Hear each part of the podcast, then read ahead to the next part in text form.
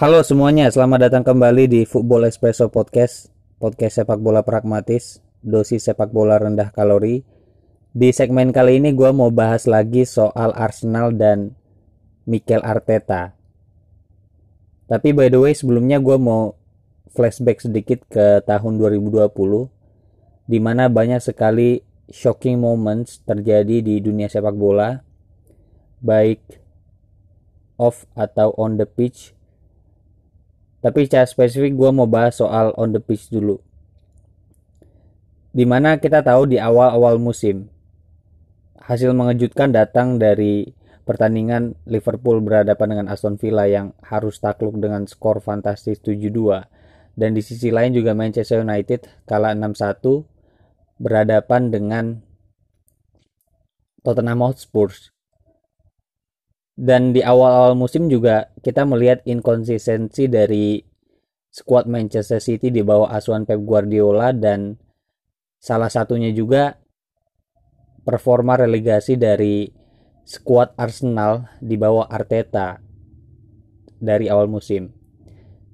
Selain itu juga awal-awal musim kita tahu kalau misalnya sepak bola itu seni, banyak sekali pelatih yang menganut uh, dark arts dalam sepak bola atau seni hitam. Mulai dari Diego Simon yang menunjukkan performa anti football di Atletico Madrid dan berhasil uh, mendominasi La Liga di awal musim. Dan dengan poin yang dia raih sangat punya potensi yang besar untuk jadi juara La Liga.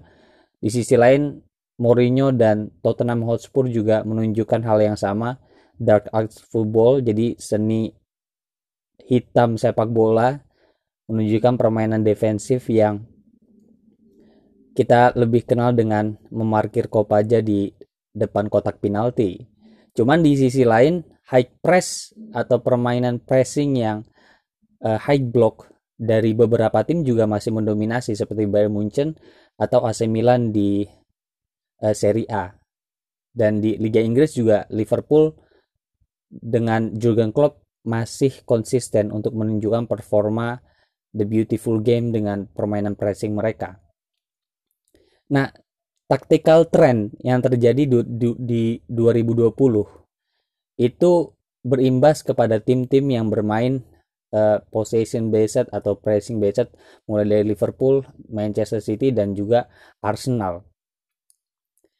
Akhirnya di awal-awal musim ini kita tahu mereka perlu melakukan banyak sekali uh, rotasi dan constantly changing the system dari awal musim sampai pekan ke 16-17 Premier League ini. Nah, Arteta dapat banyak sekali tekanan karena sempat selisih 4 poin dari uh, zona degradasi.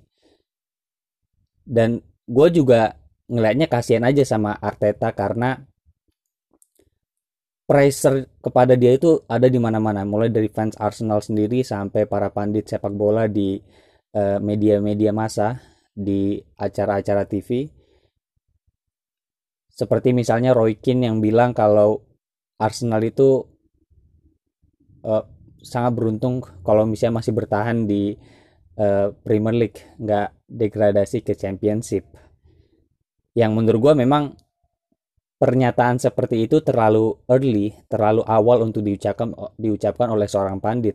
Karena apalagi sekelas Arsenal yang oke okay, di awal musim menunjukkan performa relegasi, tetapi kalau untuk sampai uh, ke zona degradasi dalam prediksi gue itu nggak sampai sih, karena kita tahu tim-tim kayak Sheffield United, West Brom atau uh, Burnley dan yang lain-lain itu lebih parah dari uh, squad Arteta di Arsenal performanya.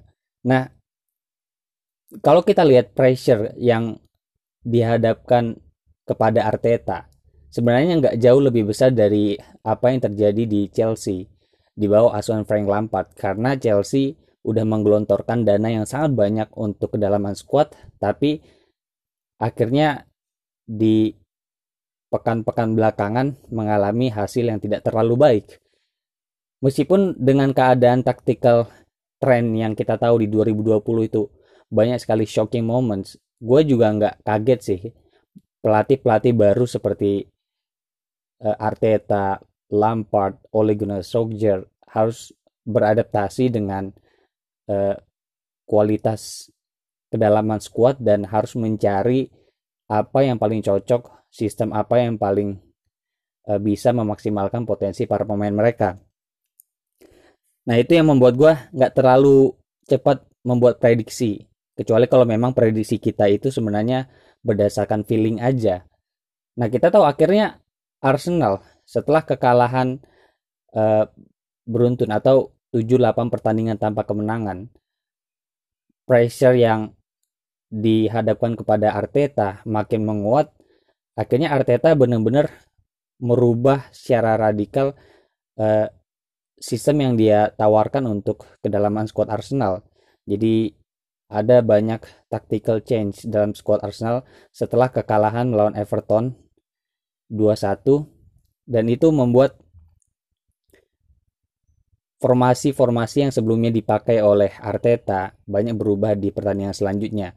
Dan kita tahu Arteta sempat dikritik oleh uh, mantan pemain Arsenal yang mengatakan kalau uh, jangan seperti Unai Emery karena Unai Emery dulu itu orang yang constantly changing the system hampir di beberapa pertandingan itu rutin sekali mengganti sistem. Artinya mungkin Arteta mengalami hal yang sama dengan Unai Emery di awal-awal. Cuma menurut gue pelatih muda seperti Arteta itu nggak terlalu buruk ketika di musim kemarin itu dia udah ngasih trofi untuk Arsenal dan ketika musim baru banyak hal yang nggak bisa diprediksi.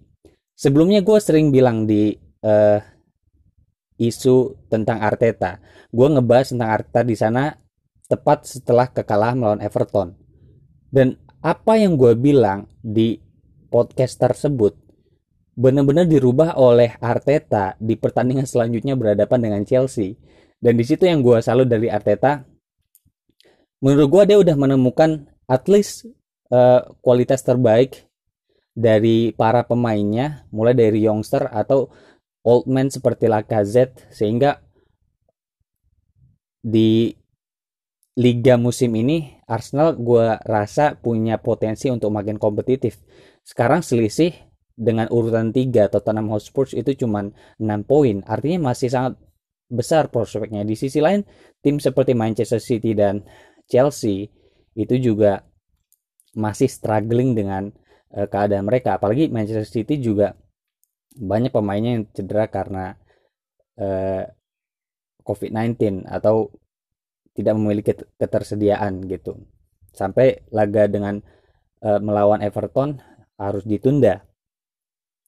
Nah kita lihat coba apa yang dilakukan Arteta setelah mengalami pressure karena back to back lose atau nggak pernah mengalami kemenangan di beberapa pertandingan sebelumnya ketika berhadapan dengan Chelsea. Pertama Arteta mendrop Willian yang kita tahu di podcast sebelumnya gue bilang Willian dijadiin patokan kreativitas dari Arteta dan gua rasa itu nggak bakal eh, nggak bakal bekerja gitu artinya menurut gua keputusan dia mendrop Willian meskipun Willian gua nggak bilang dia jelek ya tapi nggak fit dengan pace-nya di usianya yang udah melewati masa prima dijadiin patokan buat kreativitas tentu uncomfortable buat seorang seperti Willian yang lebih memaksimalkan pace di flank gitu. Nah di pertandingan melawan Chelsea ini, Arteta menurunkan skuad pemain muda, youngster yang energik, dinamis dan punya etos kerja. Ya kreativitas gue bilang masih jadi isu di Arteta. Tapi work ethic dari, para pemain muda Arsenal seperti uh, Martinelli, Smith Rowe dan uh, Saka itu menunjukkan harapan yang besar buat skuad Arsenal untuk lebih kompetitif di berbagai macam uh, kompetisi yang mereka hadapi. Nah, Smith Rowe jadi bermain di posisi naturalnya.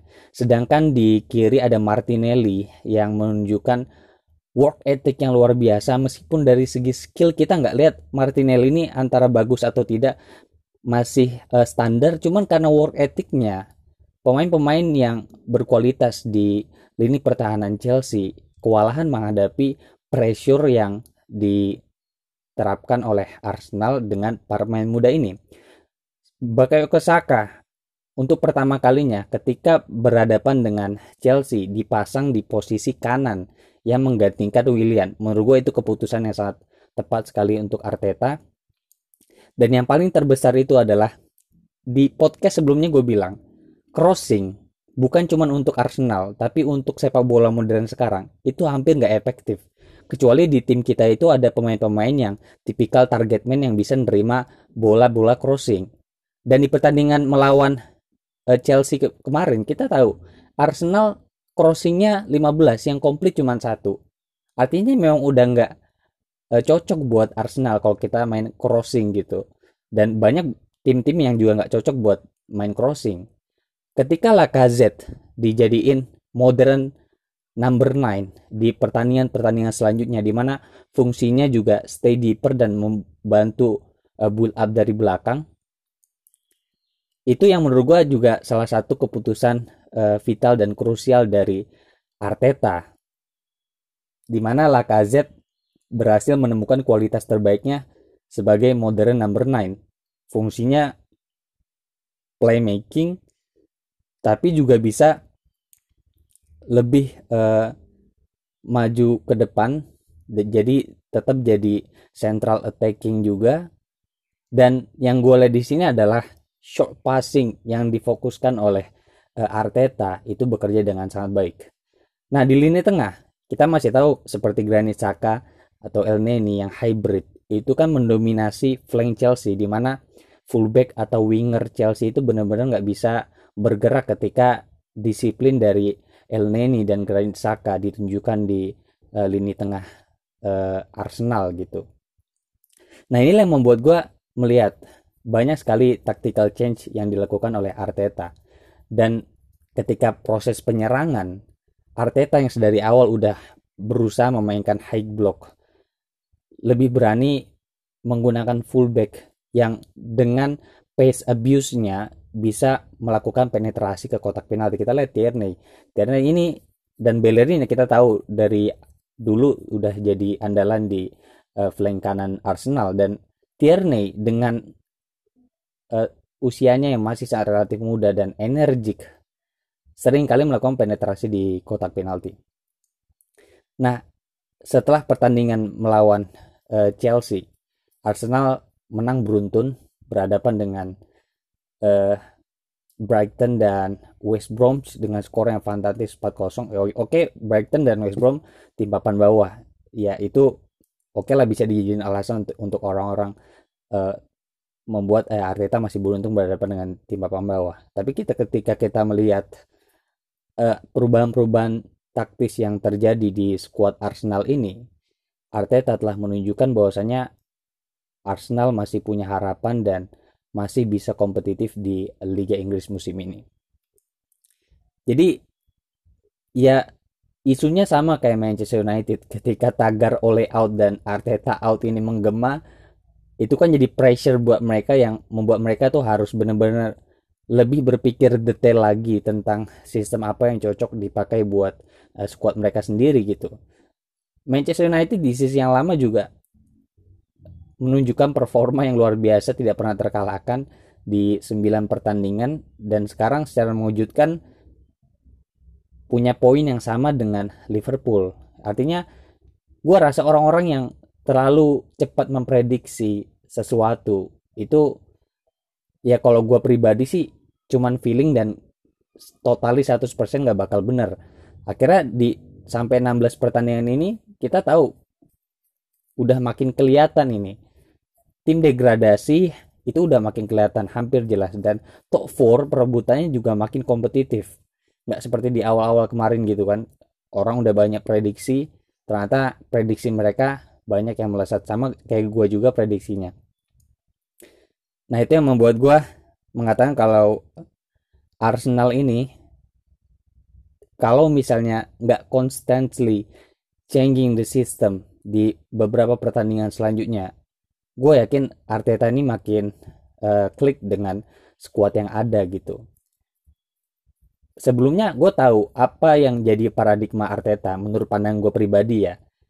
Pertama karena Aubameyang uh, lost the form dan itu yang membuat Arteta mungkin lebih pusing ketika berhadapan dengan situasi tersebut karena yang jadi isu Arsenal itu ada di kreativitas dan lini penyerangan di awal musim. Expected goalnya ketika berhadapan dengan tim-tim uh, papan tengah padahal baik. Nah itu yang membuat gue bingung ketika Arsenal memakai crossing di pertandingan-pertandingan sebelumnya nggak efektif. Beruntungnya ketika berhadapan dengan Chelsea taktik berubah secara drastis gitu. Nah itu uh, menurut pandangan pribadi gue.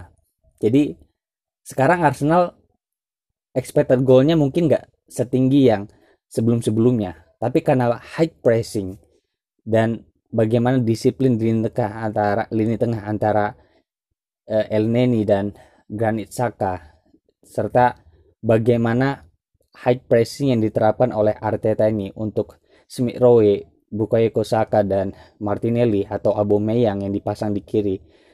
Itu membuat gelandang dari tim lawan juga kesusahan untuk melakukan uh, progressive passing dari tengah. Sehingga menurut gue Arteta dan Arsenal sudah menemukan gaya pressing yang sangat cocok. Tinggal bagaimana konsistensi mereka ke depannya. Mungkin itu aja segmen tentang Arteta dan Arsenal kali ini. Sampai ketemu di Football Espresso Podcast sesi selanjutnya. See you next time